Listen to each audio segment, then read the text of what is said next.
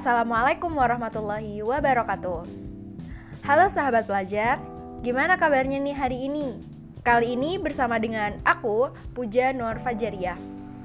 Oke teman-teman, teman-teman akhir-akhir ini sering nggak dengar berita terkait Reinhard Sinaga? Gimana? Setelah teman-teman mendengar nama Reinhard Sinaga, apa yang ada di pikiran teman-teman? Ya, teman-teman bisa menebak bahasanya bahasan pada podcast kali ini adalah terkait Reinhard Sinaga sendiri nih teman-teman. Oke, sebelumnya aku nih bakal ngasih tahu sedikit gambaran atau latar belakang dari Reinhard Sinaga. Yang pertama nih, nama Reinhard Sinaga itu sendiri adalah Reinhard Tambois Maruli Tua Sinaga yang mana lahir di Jambi pada tanggal 19 Februari 1983. Reinhard Sinaga ini adalah lulusan dari S1 Teknik Arsitektur Universitas Indonesia tahun 2006 dan juga S2-nya nih uh, dia lulus dengan dua gelar sekaligus yaitu S2 Tata Kota pada tahun 2019 dan S2 Sosiologi tahun 2019 di Universitas Manchester atau Manchester University. Dan sekarang itu lagi menempuh S3 di dengan jurusan Geografi Manusia di Universitas Leeds atau Leeds University, tapi belum lulus ya teman-teman. Reinhard Sinaga sendiri ini terkenal bukan karena hal ini teman-teman, tapi teman-teman tahu bahasanya Reinhard Sinaga kan terkenal karena dia mencetak sejarah menjadi predator terbesar Inggris gitu, predator seksual di Inggris. Wow, sebuah pencapaian yang begitu luar biasa tetapi ya nggak bagus ya teman-teman ya. Oke okay, pada bahasan kali ini nih aku nggak sendiri loh teman-teman. Di sini aku ditemani oleh silakan perkenalkan diri Halo, assalamualaikum warahmatullahi wabarakatuh. It's Lely here. Terima kasih untuk kesempatannya Puja. Um, kenalin, aku Lely. Aku di sini sebagai Ketua Divisi KISKE atau Kajian Strategis dan Keeksternalan uh, Badan Otonom Pengurus Wilayah Korps Peyewati Jawa Timur kayak gitu. Dan aku di sini bertugas untuk menemani Puja. Oke nih Mbak Leli. Nah, Mbak Leli kan bahasan kita pada hari ini tuh adalah Reinhard Sinaga ya. Iya. Pertama-tama nih aku pengen nanya sih pendapat Mbak Leli terkait Reinhard Sinaga sendiri terkait kasus Reinhard Sinaga sih especially. Nah, coba Mbak Leli bisa ceritakan uh, ya Oke Bu Jess, sebelum aku ngungkapin tentang opini aku sendiri, opini pribadi buat ngomen ya anggap aku ini netizen gitu ya iya, bagi betul. seorang Reinhard Sinaga. Iya. Nah, tapi mungkin teman-teman yang jadi pendengar masih ada yang belum mengikuti sepenuhnya seperti apa kasusnya. Nah, makanya di sini aku berusaha untuk ngasih tahu dulu siapa tahu ada yang masih belum paham kasusnya Puj boleh ya Coba, boleh banget dong Oke, jadi ceritanya dia itu adalah seseorang bayangkan kalian lahir dari keluarga yang sangat kaya super kaya yang rumahnya kayak istana, punya convention hall dan aula sendiri kayak gitu kan pembantunya ada banyak banget di daerah Depok ya, walaupun orangnya dari Jambi kayak gitu kok sekarang tuh dikenalnya kayak crazy rich crazy yeah. rich uh, crazy kan? rich Jambi iya benar benar nah Reinhard ini sendiri adalah seorang yang dikenal sebagai well educated atau ya ya emang dia tuh pinter dari lahir kayak gitu. Riwayat pendidikannya selalu memukau apalagi ketika dia dimulai jadi mahasiswa di UI kayak gitu. Siapa sih yang nggak kenal dan nggak bangga ya jadi mahasiswa Universitas Indonesia, Indonesia. gitu? Tapi ternyata itu bener-bener nggak ngejamin walaupun kemudian akhirnya uh, ya untung gitu dia emang lahir di keluarga kaya jadinya emang orang tuanya itu sangat mampu untuk membiayai dia sekolah di mana pun. Nah habis dari UI itu dia disekolahkan di negerinya Ratu Elizabeth tepatnya di sosiologi Manchester University.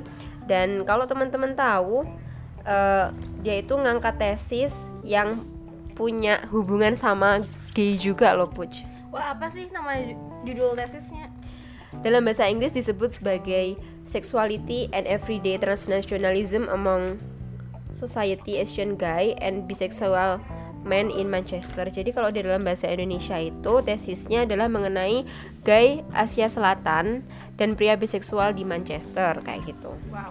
Kayaknya itu tuh terbesit dari pengalaman pribadi Oke, gak sih? oh, dilanjutin nih Mbak Lel, kayaknya menarik deh. Terus eh, dia alhamdulillahnya sudah lulus dari Manchester University dan saking cintanya dia dengan kota Manchester dia itu bilang ke papanya untuk aku pengen pa bisa hidup di Manchester selama-lamanya kayak gitu kan. Wow.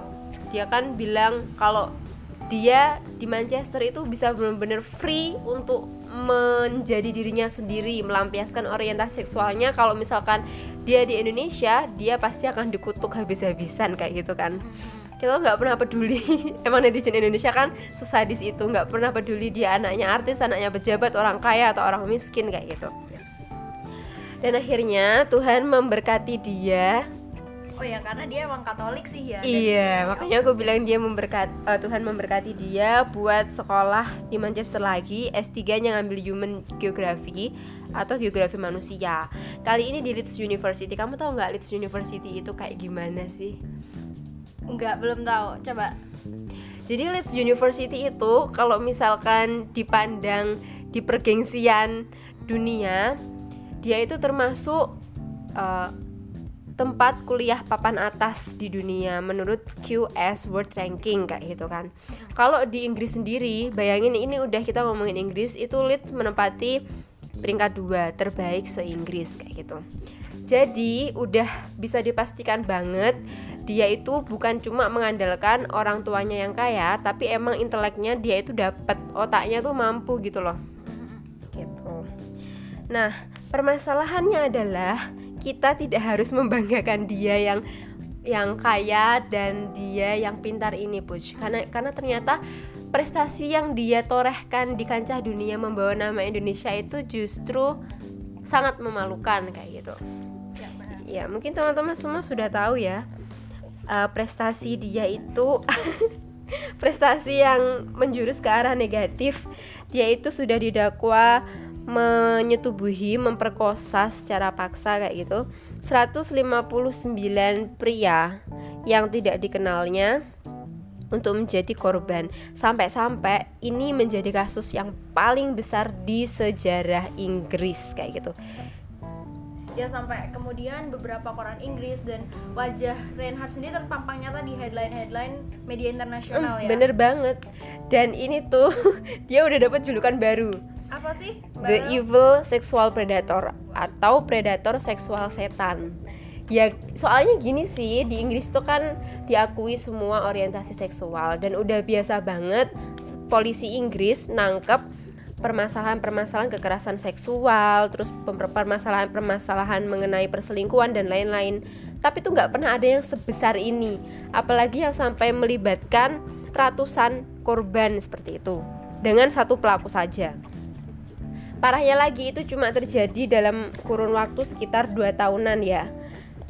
Nah, itu masih yang 159 itu kalau teman-teman tahu adalah data yang terkuak melalui rekaman video dia.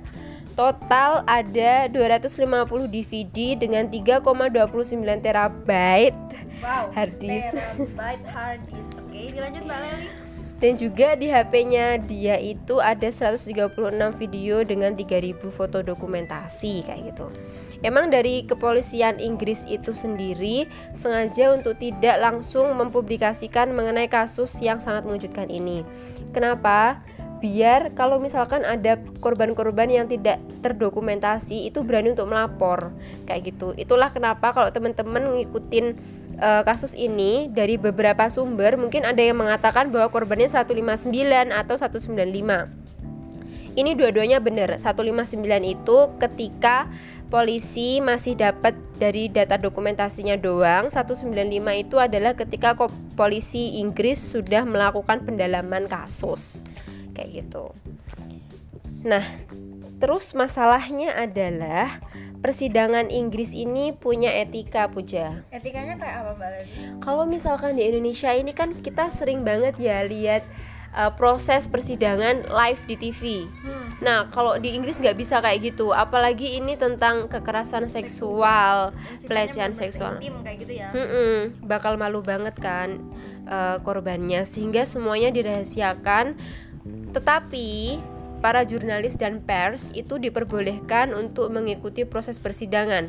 Hanya saja sama sekali tidak boleh untuk melakukan publishing. Jadi mereka boleh meliput untuk kalangan sendiri. Nanti kalau misalkan uh, pihak court atau pengadilannya itu udah ngedok palu kalau iya ini nggak apa-apa uh, permasalahan sidang udah selesai silakan dipublish baru boleh dipublish oke okay, oke okay, iya kalau teman-teman tahu persidangan pertama itu dimulai pada tanggal 1 Juni sampai 10 Juli 2018 Sedangkan operasi kekerasan seksual yang penyerangan lah, yang penyerangan lah, pemerkosaan kayak gitu-gitu, itu semua dilakukan Reinhard Sinaga pada Januari 2015. Jadi dia sudah mulai melakukan kejahatan tersebut di tahun 2015 tapi berhasil untuk tidak ketahuan hingga beberapa tahun setelahnya.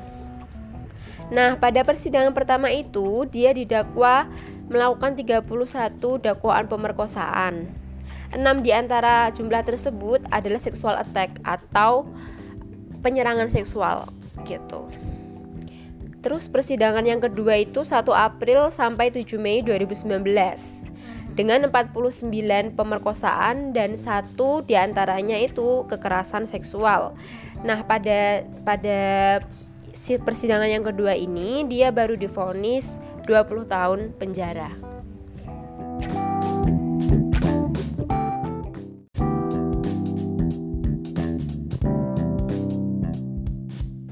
Oke, okay, selanjutnya pada tahun 2019 lalu itu di bulan September tanggal 16 sampai 4 Oktober 2019 dia didakwa lagi dengan 26 dakwaan perkosaan satu penyerangan dengan penetrasi, dan lima penyerangan seksual. Yes, dan yang keempat, sidangnya itu dilakukan pada tanggal 2 serta 20 Desember 2019 dengan 30 tuduhan pemerkosaan dan dua kekerasan seksual. Ini adalah sidang yang terakhir. Baru kemudian hakim dan jaksa memutuskan untuk untuk mengatakan bahwa kasus ini sudah selesai dan pada tanggal 6 Januari 2020 tepatnya publik mengetahui karena pers dan jurnalis yang selama ini mengikuti proses persidangan sudah boleh untuk menyebarluaskan hasil mereka. Seperti itu. Oke, ini kemudian yang bisa menjawab barangkali ya pertanyaan-pertanyaan teman-teman bahwasanya kan ini udah kasus lama, kenapa baru sekarang kayak gitu ya. Bener. Oke, yang selanjutnya nih Mbak Lel nih. Uh, aku pengen nanggepin sih, kan aku pernah baca nih dari beberapa artikel bahwasanya menurut pakar psikologi menurut pakar psikologi atau para psikolog itu mengatakan bahwasanya uh, perilaku Reinhardt sendiri itu adalah uh, manifestasi dari sindrom inferioritas yang dia yang dia idap gitu. Kasarannya seperti itu Mbak Lel. Oh, ada yang bilang kayak gitu ya, Buj? Iya, ada ada yang bilang seperti itu. Kira-kira sindrom inferioritas itu yang kayak gimana sih? Oke. Okay sindrom uh, aku bakal jelasin ya sedikit dari yang aku pahami bahwasanya sindrom inferioritas sendiri itu adalah kondisi alam bawah sadar ketika seseorang merasa lemah atau merasa lebih rendah dari orang lain. Nah, sindrom ini kemudian karena Reinhardt me mengalami hal ini, kemudian dia manifestasikan nih sindrom yang dialami uh, dengan cara melakukan tindak perkosaan yang kemudian membuat dia merasa lebih superior gitu kan. Jadi kan dia merasa lebih rendah, kemudian dia kemudian memperkosa orang kasarnya seperti itu. Dan orang tersebut kan bakal trauma nih. Bakal trauma bakal stres dan bakal merasa uh, kepribadiannya menjadi down banget gitu kan secara dan itulah kenapa kemudian akhirnya Reinhardt secara psikis merasa lebih superior dari orang-orang yang menjadi korban dia sendiri gitu. Nah seperti itu. Oke nih Mbak El nih ada lagi yang menarik. Kan tadi Mbak Leli sudah menjelaskan bahasanya banyak sekali dakwahan yang mana korbannya itu adalah seorang laki-laki. Jadi kalau misalnya dilihat dari sisi psikologis juga itu uh, ada alasannya nih Mbak Lel yang melatar belakangnya hal tersebut yang menjadi modus kenapa korban Reinhardt rata-rata seorang laki-laki seperti itu.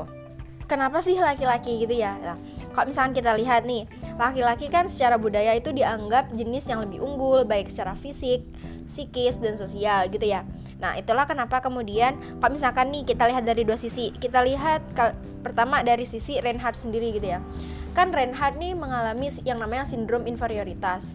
Kalau kasarannya seperti ini kalau misalkan dia dapat membuat atau korbannya adalah laki-laki yang mana menaklukkan seorang pria gitu iya, kan ya. kan. Jadi rasa superior yang dia uh, rasakan itu lebih daripada uh, ketika dia dapat menaklukkan seorang wanita. Kesarannya seperti itu. Nah kalau misalnya kita lihat dari sisi uh, laki-laki atau para pria menjadi korban otomatis mereka itu bakal menjadi lebih traumatis gitu ya. Tapi sebenarnya itu tidak dapat menjadikan acuan gitu ya. Karena setiap yang namanya kekerasan seksual atau pelecehan seksual memiliki dampak traumatis yang berbeda-beda yang kalau misalnya kita garis besar kan juga ya benar-benar tidak sederhana kayak gitu. Sampai dari beberapa artikel itu mengatakan bahwasanya korban-korbannya itu yang dari latar belakang berbeda-beda. Misalkan dari yang ada yang dosen ada yang guru mereka memilih untuk resign dari tempat kerjanya terus ada yang kemudian mereka yang mahasiswa itu memilih untuk drop uh, mereka di drop out malah oleh kampusnya ketika dia melaporkan apa yang dialaminya. Terus ada yang sampai dikeluarkan dari istilahnya tuh bahasanya dikeluarkan dari kakak gitu ya. Karena dianggap sudah benar-benar mencoreng nama keluarga. Terus juga ada yang sampai ketika dia cerita kepada adiknya dan adik adik perempuannya kemudian muntah mendengar apa yang dikatakan oleh kakaknya seperti itu dan lain-lain. Jadi uh, benar-benar dampak traumatis atau dampak uh, dari kekerasan seksual yang di dilakukan oleh Reinhard Sinaga ini benar-benar bukan sebuah hal yang patut dicontoh dan bukan hal yang sederhana. Itulah kenapa kemudian media internasional begitu meliput dan benar-benar menyoroti, menyoroti ya, banget yang namanya Reinhard Sinaga ini kasusnya seperti apa kayak gitu ya. Itu Simbal L. Eh, Puja. Uh, nyambung sama argumenmu aku suka banget, tapi di sini aku mau nambahin deh ya. Oke. Okay. Dari sisi psikologis, aku mau mengutip pendapatnya salah satu psikolog yang terkenal yang juga youtubers gitu. Dia hmm. namanya Dedi Susanto. Jadi kalau kita memandang kasusnya Reinhardt ini, hmm. kita bisa menduga ada tiga faktor yang menyebabkan dia menjadi seorang Reinhardt yang sekarang kayak gitu. Oke. Okay. Yang pertama adalah bisa jadi dia di masa kecil itu pernah menjadi korban okay, bener sih. Hmm, kayak gitu. Karena seseorang yang ketika pada masa SD sampai SMP catat ya pas usia SD sampai SMP itu dilecehkan secara seksual oleh laki-laki hmm. maka ketika dia sudah menginjak usia dewasa ke atas hmm. dia akan cenderung untuk melakukan apa yang didapatkannya ketika masa SD sampai SMP itu. Karena kan anak-anak ini suka meniru ya. Benar banget sih. Iya dari usia dini sih ya sebenarnya tapi di usia-usia SD SMP ini kayak bener-bener udah masuk ke alam bawah sadar juga dan akhirnya secara sadar nggak sadar mau nggak mau dia menjadi pelaku berikutnya. Itulah kenapa uh, eh, KPAI terus United Nations for Women and Children dan beberapa organisasi internasional maupun nasional yang peduli sama anak dan perempuan pasti mengecam tindakan pelecehan seksual terhadap anak-anak kayak gitu. Mm -hmm. Lebih dari yang dilakukan pada orang dewasa. Soalnya emang dampaknya bisa jadi laten gini loh puch dan itu kayak lingkaran setan sebenarnya jadi -hmm. dia jadi korban ketika kecil kemudian ketika dewasa dia menjadi korban dan -hmm. itu kemudian dia menghasilkan korban ya iya. tidak menutup kemungkinan juga meskipun kita tidak diminta untuk bersuuzon gitu ya. Iya. barangkali jadi korbannya jadi pelaku juga di masa mendatang seperti itu. Jadi bener-bener kayak teman-teman harus menghindari hal ini ya teman-teman. Dan jangan sampai uh, teman-teman menjadi korban dan karena hal tersebut kemudian ya tidak menutup kemungkinan kan kayak seperti itu ya. Oke dilanjutkan nih mbak Lel. Yang kedua itu menurut uh, psikologi bisa jadi faktornya itu karena dia kekurangan figur dan citra seorang ayah. Jadi di mata si Reinhard hmm, Naga ini benar, figur dan citra seorang ayah sudah rusak yang itu kemudian membuat dia tidak punya sisi maskulinitas ya nggak sih kita kalau ya, lihat cara bener. cara jalannya ya, ya dari di CCTV gitu ya di, hmm. ya kayak gitu melambai banget gitu ya padahal dia tuh pria gitu. dan ganteng siapa sih nggak mau ya, benar, benar, benar, benar, benar, benar, benar. nah uh, emang ini bisa jadi bener loh Puc kan ayahnya itu seorang pengusaha yang ya kita tahu pasti Crazy rich. ya heeh. Bankir. Jadi kak dia memiliki beberapa bank swasta yang tidak disebutkan namanya, tapi yang namanya kalau udah kerja di bank nih, udah duitnya eh itu bukan udah bukan yang kerja di bank yang punya Oh, bank iya bener. Bener yang punya bank malah ya. Oke oke oke. Iya, Lanjutin nih Mbak banget Terus yang ketiga itu bisa jadi faktornya Jadi gini. Secara alamiah manusia itu kan punya desire sex Punya hasrat seksual. Nah seksual desire ini seksual desire ini atau desire sex eh, hanya bisa dikontrol lewat iman sama hobi. Jadi misalkan gini ada kan orang-orang yang memutuskan untuk tidak menikah. Entah itu karena dia trauma dia merasa sibuk dengan pekerjaan dan lain-lain tapi dia itu tetap punya hasrat seksual. Nah makanya dia itu melampiaskannya dengan cara biasanya nih kalau dari banyak-banyak kasus kebanyakan makan. Yang itu over banget dia makan makan. Kalau misalkan orang biasanya makannya tiga kali sehari mungkin dia bisa 5, 6 kayak gitu kan. Terus ada juga orang yang melampiaskan desire seksnya ini pada traveling. Itu masih tidak menyakiti orang lain Masih positif lah ya jalan-jalan gitu ya. Oke oke. yang parahnya ini kalau dia melampiaskan uh, desire seksnya ini pada manusia juga kayak gitu tapi tanpa ada ikatan Dan karena tanpa ada alasan yang jelas. iya jadi ya wes aku tertarik sama si X gitu misalkan Nah. aku ya janganlah naudzubillah Iya benar benar. maksudnya misalkan si Reinhard Sinaga ini tertarik dengan si X yang sedang jalan ya udah dia bakal ngenyerang dia dan menjadikan dia itu mangsanya kayak gitu tapi yuk ya hanya dalam one night stand gitu loh Oke oke oke oke. nah itu Oke. ada lagi puc Apa lagi Mbak Leli? ada lagi jadi gini seks itu kan apa pun orientasinya bersifat adiksi ya Mhm. jadi kalau udah adiksi apalagi ditambah dia suka nonton film biru film porno maksudnya jadi di dalam pikirannya itu pasti akan bertambah parah variasi variasinya imajinasinya pasti makin liar Mhm. kayak gitu dan kalau udah seperti itu mau dia punya pasangan resmi dan pasangannya bisa melayani dia berusaha untuk memuaskan dia yang kayak gimana pun itu dia nggak bakal terpuaskan. Soalnya di pikiran dia ya dia mau suasana baru bahkan dia mau pasangan yang baru nggak mau sama pasangannya yang biasanya kayak gitu. Lah kenapa kemudian korban-korbannya banyak gitu iya ya? banyak banget. Jadi menurut aku dari berbagai faktor analitik eh, menurut sisi psikologis ini semuanya bisa jadi benar hanya saja yang terakhir ini yang paling kuat gitu loh Mhm. melihat dia itu selalu mendokumentasi hampir hampir selalu mendokumentasikan Perbuatannya. ke- eh, perbuatannya itu padahal kan ya apa bangganya orang lain tuh bener-bener jijik loh puc Semuanya jijik. Iya. bahkan para juri jadi kalau di Inggris itu kan di persidangannya sistem juri ya nggak kayak kita mereka tuh punya juri beberapa juri itu angkat tangan nggak kuat melihat videonya yang minimal satu jam ada yang enam jam. Suruh nonton video yang bener-bener aduh itu pasti menjijikkan dan memuakkan banget. Masa korbannya itu mendengkur dan dia tetap memaksakan untuk melampiaskan hasrat seksualnya gitu loh. Parah banget. Dan beberapa itu kan memang diserang secara fisik. Jadi itu pasti kekerasan lah. Hmm. bahkan eh, kalau misalkan kita tahu ya pengadilan Inggris itu menyiapkan banyak sekali konselor. Entah itu untuk hakim entah itu untuk juri untuk para korban yang datang ke pengadilan itu sendiri untuk bersaksi dan para jurnalis termasuk BBC Mhm. kayak gitu. BBC itu kan ya lumayan terkenal. Jadi m- mereka para jurnalis perusahaan-perusahaan agensi koran majalah semuanya itu menyiapkan konselor. Mhm. karena saking emang bener-bener aduh kayaknya ini udah parah dan menyakitkan. Hmm. tapi justru Reinhardt ini merasa tertantang. Jadi kalau seperti argumenmu tadi itu bisa jadi bener. Karena dia itu ibarat setelah melakukan eh, aksi jahatnya itu dia tuh ngerasa kayak jadi the winner gitu loh Oke oke oke oke. gitu bu Pantes gak sih Mbak Lel kalau misalkan kan ada berapa nih juga yang aku baca nih bahwasanya bilang Reinhard ini psikopat gitu kan. Iya. Bahasa kasarnya psikopat gitu kan. Iya, kalau iya. misalkan dilihat dari ilmu psikologis tuh udah pantas gak sih dikatakan psikopat si Reinhard ini gitu.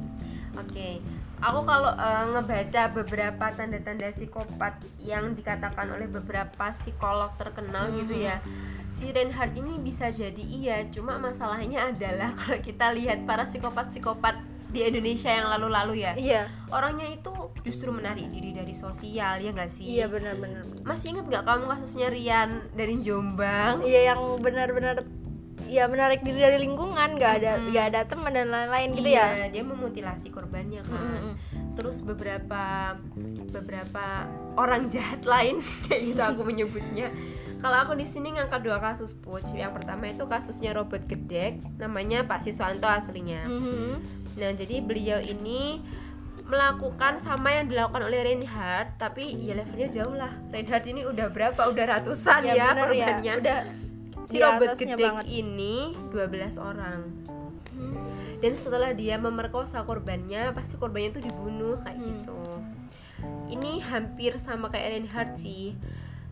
Dia nggak ngerasa bersalah gitu loh habis melakukan Nah, terus yang kedua adalah pas tahun 9697. Dulu banget ya berarti. Hmm, banget udah. Aku nah, belum lahir itu Mbak Lela, lanjut. Aku juga sih. itu ada namanya Mas Oki dia itu didakwa oleh Pengadilan Negeri Jakarta Selatan hmm. telah melakukan kasus yang sama seperti Reinhardt orientasinya hmm. orientasi seksual sama kayak hmm. gitu kan dan dia melakukan perkosaan paksanya itu di USA United States of America kayak gitu. Hmm. dan keduanya si Robert Gedek sama si Mas Oki ini selalu bersikap tenang. Sama sekali nggak ngerasa bersalah kayak apa duh duh duh orang-orang sekarang perhatiannya ke aku aku kayak bersalah banget. Kayaknya aku orang paling paling kotor sedunia. Semuanya ingin membunuhku semuanya mengutukku ibu-ibu rumah tangga anak kecil kayak gitu kan jadi ini parahnya sampai dijatuhi hukuman mati loh. Dan dia tetap nggak ngerasa bersalah kayak gitu. Ada sih memang kasus-kasus psikologi yang kemudian uh, ternyata model orang psikopat itu nggak cuma yang berdarah dingin. Kayaknya dia berdarah panas gak sih? Soalnya kan dilihat dari beberapa artikel juga nih nih yeah. itu kan si Reinhardt ini di kalangan kampusnya terkenal sebagai orang yang begitu humble gitu ya. Mm, dan punya banyak teman gitu kan. Nah hal yang dapat ditarik nih Mbak Lel itu adalah menariknya uh, itu yang kemudian dijadikan sebagai modus dari Renard sendiri. Jadi Renard ini dalam me, apa namanya menggait korbannya lah istilahnya kayak gitu tuh dengan dia itu membangun pertemanan dulu. Nah, membangun pertemanan dulu dan kemudian setelah pertemanan terikat, nah kemudian uh, diajak temennya untuk main ke apartemennya dan diberikanlah yang namanya obat gitu kan, obat bius lah istilahnya seperti itu, obat bius yang kemudian setelahnya ya ya udah Reinhard menjalankan aksinya seperti itu kan. Dan hmm. itu benar-benar sebenarnya mematikan sih dalam artian mematikan uh, karakter juga sih. Dalam artian tidak semua tidak kemudian semua yang namanya psikopat dan orang jahat itu yang berdarah dingin mengerikan yang mengerikan gitu kan, dan lain-lain. ganteng iya, jelek. iya benar-benar nggak gitu. kaya gitu kan. Benar-benar benar yang mematahkan segala mitos. Oke okay. ya kayak gitu sih mbak Lel nih Iya Puj, bener banget dia itu selalu pakai obat bius yang namanya gamma hidroksi apa namanya uh, eh, GHB atau gamma hidroksi Biot biotik Yes, aku ulangi lagi. gamma hidroksi apa? Kamu coba. Gamma hidroksibutinic acid atau GHB. Iya, jadi itu adalah satu zat kimia yang setara dengan ekstasi cair dan menimbulkan perasaan euforia, kemudian merasa libidonya naik gitu ya. Sama kayak artis Korea itu loh. Itu loh kan kalau misalkan teman-teman nih penyuka Korea pasti tahu yang namanya artis Seungri dari Big Bang ya. Nah hmm. itu sama kayak itulah. Yang dulu tuh Seungri pernah ditangkap terkait kasus yang sama penggunaan hal ini gitu. Nah dan ketika GHB ini dicampur dalam minuman apa pun dia itu nggak akan ngerubah rasa nggak akan ngerubah warna gitu kan. Ya aku jadi mikir berarti berarti dia ini kalau misalkan dicampur ke air minum kita dia itu tidak merubah sifatnya dan membuat air tetap suci. Tetapi tidak suci lagi sebenarnya. Iya soalnya uh, sifatnya memang merusak kayak gitu kan ya. Dan bisa memberi pengaruh dalam jangka waktu yang cukup lama kayak gitu. Oke Mbak Lel nih, kita kan udah bahas panjang lebar kalau misalkan kasus Reinhardt ini dipandang dari sisi psikologis gitu ya. Nah, Hmm. eh, ini sebenarnya kemudian bukan rasis dan lain-lain gitu ya. Nah, gimana sih kalau misalkan kita pandang kasus Reinhardt Sinaga ini dilihat dari segi agama Mbak Lel? Menurut Mbak Leli gimana pandangannya? Oke, pertama kita ngomongin tentang kasusnya sendiri ya dari sisi agama mana pun, termasuk agama Islam, kan ya nggak boleh menyakiti orang lain. Dia itu udah menyakiti, udah pakai kekerasan, Ya. itu yang pertama di kekerasannya. Terus yang kedua adalah dia melakukan maksiat, ya nggak sih, Coach? benar. Apalagi di dalam Islam itu udah jelas-jelas uh, sodomi kalau menyebut dulu Kaum Nabi Lut kaum ya? Nabi Lut itu melakukan satu tindakan yang sama dan disebut sebagai sodomi. Kalau sekarang lebih dikenal LGBTIQ gitu. LGBTQ. Iya gitu.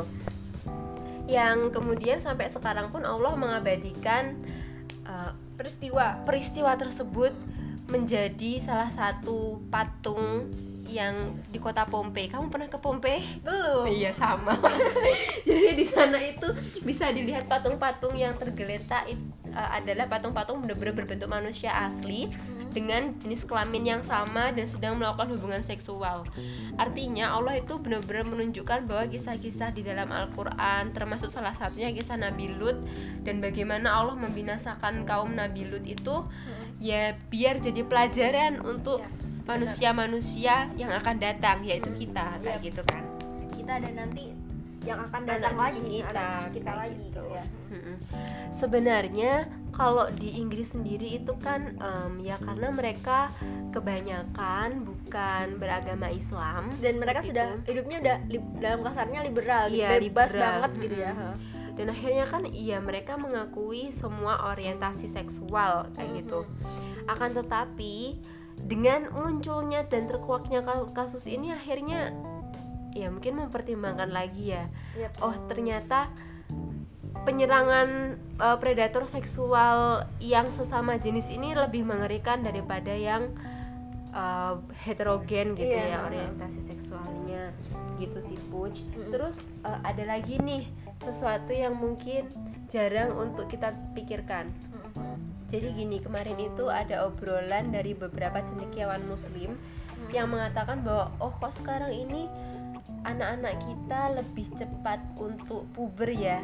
Eits, tapi ketika puber itu belum tentu dia akil balik loh iya akil akil kalau misalkan kita lihat secara bahasa berarti berakal gitu iya ya akil tuh berakal kalau balik itu kan puber lah ya iya akil Hmm, berakal tuh maksudnya bisa membedakan mana yang baik mana Ma- yang buruk mana yang gitu. baik mana yang buruk mana yang eh, ngasih mudorot yang Ah. ngasih manfaat kayak Iya. gitu kan nah jadi gini teman-teman ketika syahwat atau bahasa Yunaninya eros eh, itu membuncah dalam diri manusia seharusnya kan fungsi akal itu tumbuh bersama untuk bisa mengendalikan. Nah, tapi kenyataannya ketika syahwat kita itu keduluan, misalnya umur 9 tahun dia udah mulai puber, mulai mengenal lawan jenis, mulai senang. Teman-teman pasti pernah nggak sih lihat kayak video-video di Instagram yang anak kecil, anak SD tuh udah mama papa gitu. udah pacaran ya. Iya. Nah, tapi nggak dida- nggak diiringi dengan pertumbuhan akal yang baik. pola pikir yang baik eh, yang pola dewasa pikir yang misalnya seperti baik. itu ya Padahal seharusnya uh, pertumbuhan akal yang baik kayak gitu di usia-usia tersebut nggak bisa instan teman-teman. Jadi itu kembali lagi kepada keluarga yang mendidiknya. Apakah dari kecil memang disiapkan untuk mengenal agama dan bertakwa? Bertakwa dalam artian ya bener-bener ngamalin dan berusaha untuk melakukan semua syariatnya Allah dan menjauhi larangannya tanpa nanya kenapa gitu kan. Hmm, bener-bener banget. Soalnya gini masalahnya Puj Kenapa? Kebanyakan kebanyakan keluarga yang well educated dan well behaved gitu kan Ya, ya, kita benar. bahasanya Ah, uh, menganggap bahwa ya udah anakku yang penting aku sekolahin di sekolah bonafit berarti dia akan memiliki potensi untuk mengangkat derajat keluarga Hmm. tanpa pernah peduli apakah ngasih manfaat ke orang lain Hmm. atau suatu hari nanti dia pintar tapi jadi koruptor atau dia pintar tapi jadi predator Iya. gitu kan Bener iya banget, ini bener yang sering banget miss dari keluarga-keluarga modern entah itu Islam atau keluarga dari agama yang lain gitu Oke. Coach. Menarik banget nih bahasan kita pada sore eh, pada hari ini gitu ya. Eh, ada beberapa hal yang kemudian aku garis bawahi gitu ya dari penjelasan bahasan kita pada hari ini. Kayak misalkan bahasanya dalam pembentukan karakter kalau misalkan kita garis bawahi tadi adalah well educated itu nggak kemudian menjadi syarat gitu ya. Nggak menjadi menjadi syarat eh, terciptanya moralitas yang baik gitu ya. Terus kemudian peran orang tua peran agama peran dari pendidikan sendiri yang seharusnya seperti apa dan kemudian peran lingkungan serta teman itu seharusnya seperti apa itu benar-benar menjadi alasan eh, pembentuk sebuah kepribadian kayak gitu ya Mbak El ya. Oke nih. Terus kemudian terakhir eh, kira-kira apa sih eh, saran dari Mbak Leli sendiri terkait kasus Reinhard sendi- Neg- Sinaga sendiri kepada pelajar gitu ya? Oke Puch, sebelum aku mau ngasih saran, aku mau ngingetin dulu sih ke teman-teman. Mungkin teman-teman ada yang kuliah di psikologi atau tertarik dengan dunia psikologi. Jadi ada salah satu psikolog terkenal yang ahli dalam bidangnya itu namanya Carl, Gus- Carl Gustav Jung. Ya, eh, Carl Jung itu sendiri adalah seorang pakar psikoanalitik gitu ya teman-teman. Iya, iya tuh, eh, iya pendengar. Jadi ketepatan aku sama Puja ini sama-sama suka dengan psikologi kayak gitu. Kamu ingat gak sih ini teori kepribadian yang dikemukakan oleh Pak Jung? Mm-mm. Jadi kalau misalkan kita lihat gitu ya itu ada sebuah konsep kepribadian dari dari Pak Jung sendiri. Kita bahasanya Pak Jung aja ya gitu ya. Ya itu ter- terkait yang namanya persona sama shadow gitu. Persona sama shadow. Nah dari persona sendiri itu adalah eh, kan kalau misalkan teman-teman teman-teman nih bisa nge search gitu ya di Google terkait ke teori kepribadian dari da- yang di teori kepribadian dari Pak Jung sendiri gitu ya. Oke, jadi aku mau membantu Puja untuk menjelaskan ya teman-teman. Iya, so manis banget aku hari ini Puja. Jadi Pak Jung ini menjelaskan teorinya seperti ini. Manusia itu punya beberapa wajah. teman-teman tuh nggak bisa langsung percaya gitu aja pada pasangannya teman-teman nanti maksudnya pasangan yang sah ya terus pada orang tuanya teman-teman ya kan pada sahabatnya teman-teman misalkan kenapa sih si Reinhard ini di mata orang tuanya ternyata anak yang lugu anak yang taat beribadah ke gereja karena dia Katolik gitu kan anak yang periang menurut eh, Pinter. anak yang pinter, periang, terus bisa mencarikan suasana lucu gitu kan. Tapi ternyata sekeji itu loh pada banyak orang yang tidak dikenalnya ya karena teori ini menyebutkan bahwa di lapis pertama manusia itu ada yang namanya persona. Jadi itu adalah sisi-sisi di mana manusia itu ditampakkan yang kita lah istilahnya. topeng, branding gitu ya. Si Reinhardt ini membranding dirinya sebagai seorang yang pintar, agamis, menawan, lucu dan rapi, yang netly gitu ya. Eh, terus kemudian persona ini sendiri tuh sering kita eh, apa ya istilahkan sebagai public space public face jadi ap- wajah yang kita tampilkan kepada publik seperti itu Mm-mm. Terus di lapis bawahnya persona ini ternyata ada yang namanya self atau dirinya yang sendiri, diri diri sendirinya. Jadi gini, misalkan aku adalah orang yang disiplin, tapi itu aku lakukan ketika aku berhadapan dengan banyak orang. Misalkan untuk urusan sekolah, kuliah, kerjaan, aku akan jadi orang yang disiplin. Tapi kalau untuk urusan me time, terus urusan-urusan yang menyangkut diri aku pribadi, aku bakal jadi orang yang sangat menikmati dan molor banget gitu, Puj. Terus kemudian nih mbak Lel di lapis eh, selanjutnya ada yang namanya shadows. Nah kalau misalnya kita lihat dari maknanya sendiri adalah bayangan gitu ya. Jadi shadow sendiri ini adalah sisi terburuk gitu ya. Jadi kayak sisi jahatnya atau evil face evil face kita sendiri gitu. Yang kita tampakkan dan yang mengetahui ya cuman kita sama Tuhan gitu istilahnya seperti itu. Dan hal ini kemudian yang menjadi alasan kadang eh, kenapa kita kemudian berbuat baik atau buruk gitu. Karena sebenarnya kepribadian kita atau apa yang kita lakukan itu dikendalikan oleh alam sadar dan alam tidak tidak sadar kita. Kalau misalkan kita bahasnya itu seperti ini teman-teman. Teman-teman akan misalkan dihadapkan pada sebuah peristiwa gitu ya. Teman-teman akan berperilaku baik atau jahat atau menampilkan diri teman-teman yang sebenarnya atau yang tidak sebenarnya itu ya tergantung dari kita secara sadar atau tidak sadar seperti itu terus yang terakhir ada anima animus puch apa tuh? Apa tuh?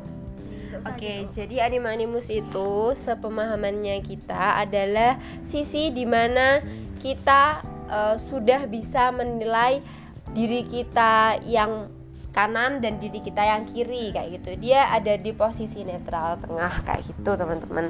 Dan emang nggak semua orang bisa mencapai lapisan anima animus ini karena nggak semua orang sudah menemukan jati dirinya seperti itu.